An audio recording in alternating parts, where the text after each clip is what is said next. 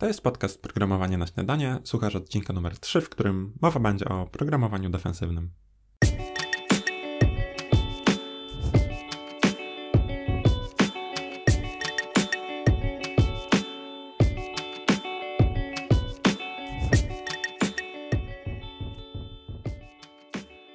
Cześć, z tej strony Paweł. Witam Cię w trzecim odcinku podcastu Programowanie na śniadanie.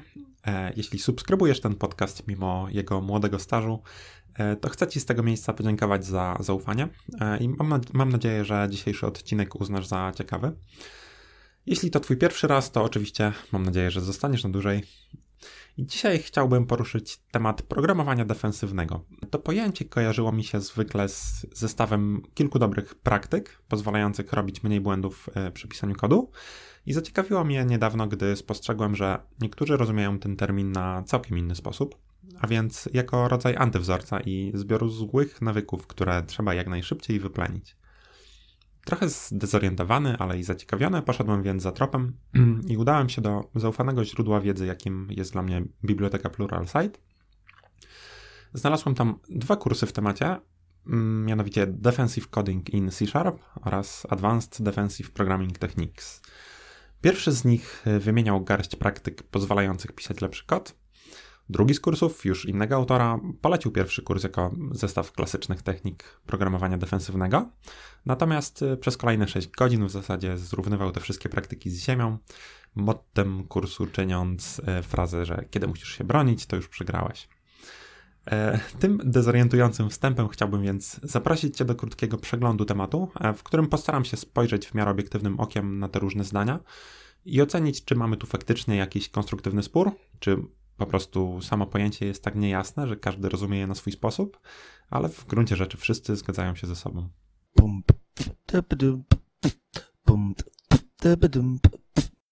Zacznijmy więc może od tego, skąd w ogóle nazwa Defensive Programming.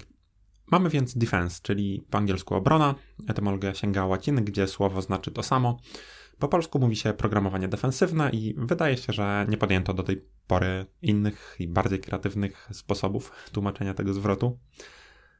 Wikipedia polska, a nie angielska e, nie tłumaczy nigdzie pochodzenia frazy, ale na przykład w książce Kod Doskonały, czyli Code Complete Steve'a McConnella, jeden z rozdziałów jest poświęcony właśnie technikom programowania defensywnego, i tam nazwa jest wywodzona od pojęcia defensive driving, co brzmi sensownie, więc tego się będę trzymał. Także defensive driving, czyli jazda defensywna, e, to sposób myślenia podczas prowadzenia naszego ulubionego pojazdu, w którym staramy się przewidywać wszelkie niebezpieczeństwa, które mogą wystąpić e, i być na nie przygotowani. E, w polskim kodeksie drogowym mamy zapisaną zasadę ograniczonego zaufania, która mówi, że inni kierowcy i uczestnicy ruchu drogowego będą zwykle stosować się do przepisów, ale nie mamy takiej gwarancji i musimy zachować ostrożność. Możemy wyobrazić sobie inne strategie na drodze, na przykład strategię bezwzględnego zaufania w to, że wszyscy zawsze stosują przepisy drogowe. Inną skrajnością jest założenie, że nikt nie przestrzega przepisów ruchu drogowego, w związku z czym musimy jeździć skrajnie ostrożnie i nie możemy ani trochę ufać znakom pierwszeństwa na drodze, ani kierunkowskazom włączonym przez innych kierowców. E, no i na drodze obie te skrajności, czyli kompletne zaufanie do innych uczestników ruchów, ruchu e, oraz w kontraście do niego zupełny brak zaufania, e, no, wydają się niepraktyczne. Kiedy jednak spróbujemy szukać analogii w świecie programowania, może się okazać, że takie skrajne opcje zaczną wyglądać kusząco. Mogę więc teraz Tobie zadać pytanie, czy Twoim zdaniem, jako programisty piszącego aplikację, e, powinniśmy ufać w dobre intencje użytkowników i niezawodność środowiska w 100%? E, czy może ufać, ale w ograniczonym zakresie? A czy może nie ufać ani trochę i nawet założyć złe intencje użytkowników? E, jeśli chcesz, to spróbuj zająć w tej sprawie jakieś stanowisko A ja wrócę jeszcze do tego tematu pod koniec odcinka. Mając w głowie wcześniejszą analogię do jazdy defensywnej, pewnie każdy z nas mógłby już wyjść z własną definicją programowania defensywnego i pomysłem na reguły, które pozwolą zmniejszyć ryzyko wypadków na produkcji e, spowodowanych naszym kodem. Ja zacytuję dwie definicje, e, jedną trochę szerszą z Wikipedii e, i drugą autorstwa doświadczonego programisty Zorana Horwata, która to samo ujmuje w jednym zdaniu. Wikipedia definiuje programowanie defensywne jako podejście przy, przy projektowaniu oprogramowania, e, które zapewni jego działanie w nieprzewidzianych sytuacjach. Podejście to, jak kontynuuje Wikipedia, e, jest szczególnie użyteczne, kiedy od programu oczekiwana jest wysoka niezawodność albo wysoki poziom bezpieczeństwa.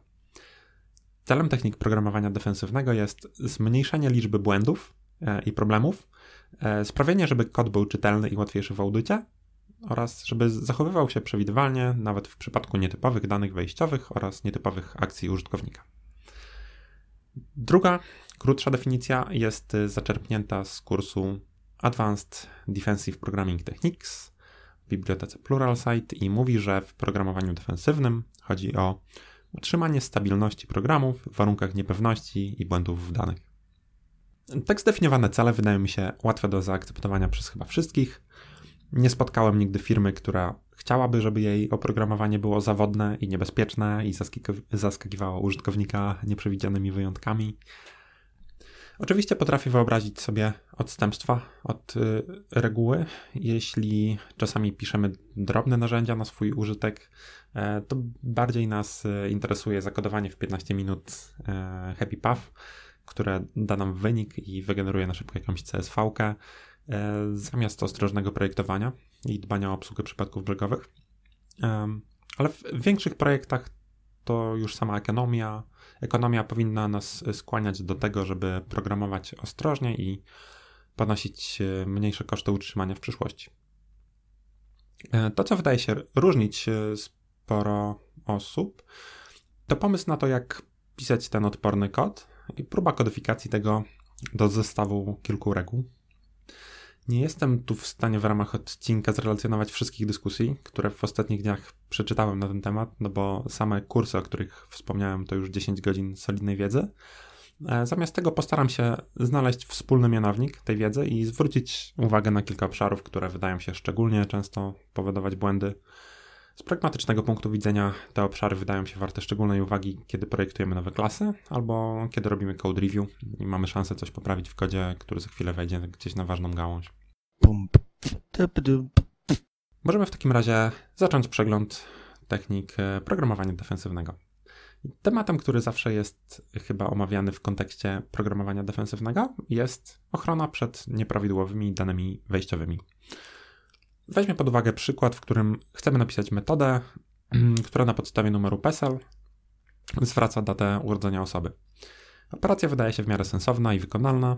PESEL w swoim kodowaniu przewiduje, że można w nim zapisać lata urodzenia od 1800 do 2299. Rok urodzenia jest zakodowany w pierwszych sześciu cyfrach numeru PESEL, co każdy z nas, kto ma nadany PESEL już pewnie zauważył. E, natomiast e, cały numer ma zawsze 11 cyfr. Co w takim razie powinna zrobić metoda, która dostanie na przykład 12-cyfrowy PESEL zamiast 11-cyfrowego? Autorzy kursów, książek i blogów e, zgadzają się tu na pewno w jednym. Metoda nie powinna nawet próbować przetwarzać takiego numeru, bo jest nieprawidłowy. Najgorszym wyjściem w tej sytuacji jest więc zastosowanie zasady garbage in, garbage out i próba pozyskania daty z pierwszych sześciu cyfr, mimo że numer na pewno nie jest prawidłowym PESEL-em. Co w takim razie powinniśmy zrobić, kiedy na wejściu pojawiają się nieprawidłowe dane? E, I tu można rozpocząć długą dyskusję, bo dużo zależy od języka programowania i kontekstu, ale upraszczając, no to jeśli wywołujący naszą metodę kod naruszył kontrakt, przekazując błędne dane wejściowe, no to możemy rzucić wyjątek albo zwrócić błąd w jakiejś innej formie. Więc zamiast garbage in, garbage out, lepiej przyjąć zasadę garbage in, error out albo no garbage allowed in. Drugim tematem często wiązanym z programowaniem defensywnym jest użycie asercji, czyli kodu, który upewnia się, że coś jest prawdą, a jeżeli okaże się, że nie jest, to przerywa działanie programu błędem. Asercje mają nieco inny charakter niż wyjątki. Sprawdzają raczej poprawność samego kodu, który napisaliśmy, a nie danych wejściowych od użytkownika. Typowo też nie wchodzą do kodu produkcyjnego, a jedynie mają pomagać nam programistom w fazie developmentu i być może jeszcze testów. Asercje to taka startupowa reguła fail fast, fail cheap, e, tylko że zastosowana w kodzie programu. E, użyteczność bierze się z obserwacji, że jeśli popełnimy błąd pisząc program, to w najlepszym interesie naszym i projektu jest znalezienie go możliwie szybko. Jeśli zaobserwujemy jakąś anomalię w naszym nowym kodzie już podczas developmentu, to wtedy łatwo poprawiamy ją od ręki i oszczędzamy czas testerów i unikamy błędu na produkcji. Przykładowo, gdybym ja miał przypisać do programu jakiś długi wzór matematyczny z książki, który ma zawsze dawać wynik z zakresu 0,1, e, to tuż po nim napisałbym asercję, żeby w przypadku, gdy wynik wyjdzie poza ten zakres, mieć tę sytuację złapaną w debuggerze e, i gotową do analizy. Ostatnio na blogu Low Level Design Sebastiana Solnicy widziałem właśnie artykuł o asercjach w .NET, gdzie m.in. pokazywał konkretne użycia tych konstrukcji w kodzie .NET Core, na przykład w popularnej klasie String Builder. Można oczywiście dyskutować sobie filozoficznie, czy asercji może być za dużo, czy też nigdy ich nie jest za wiele, no ale najważniejsze to wiedzieć, kiedy warto je zastosować. Ogólna reguła na podstawie wielu dobrych źródeł byłaby tu więc taka, że jeśli jeszcze nie używamy asercji w kodzie, no to pewnie czas zacząć. Trzecim obszarem, który powinien znaleźć się pod lupą, kiedy chcemy stworzyć odporną aplikację, jest wybór sposobów, w jaki obsługujemy błędy. W przypadku problemu z wykonaniem typowej ścieżki kodu e, mamy zawsze wybór, czy na przykład rzucić wyjątek, czy zwrócić kod błędu, a może zwrócić jakiś bardziej złożony obiekt. Możliwości jest kilka i autorzy potrafią się w tej kwestii mocno różnić opiniami. Myślę, że nie ma jednego słusznego sposobu, sporo zależy od kontekstu, w jakim działamy, więc wymienię tylko kilka ogólniejszych wniosków e, ze swojej lektury. Rzucanie wyjątków jest przez wielu autorów krytykowane. Jest kilka dobrych argumentów, które za tym stoją.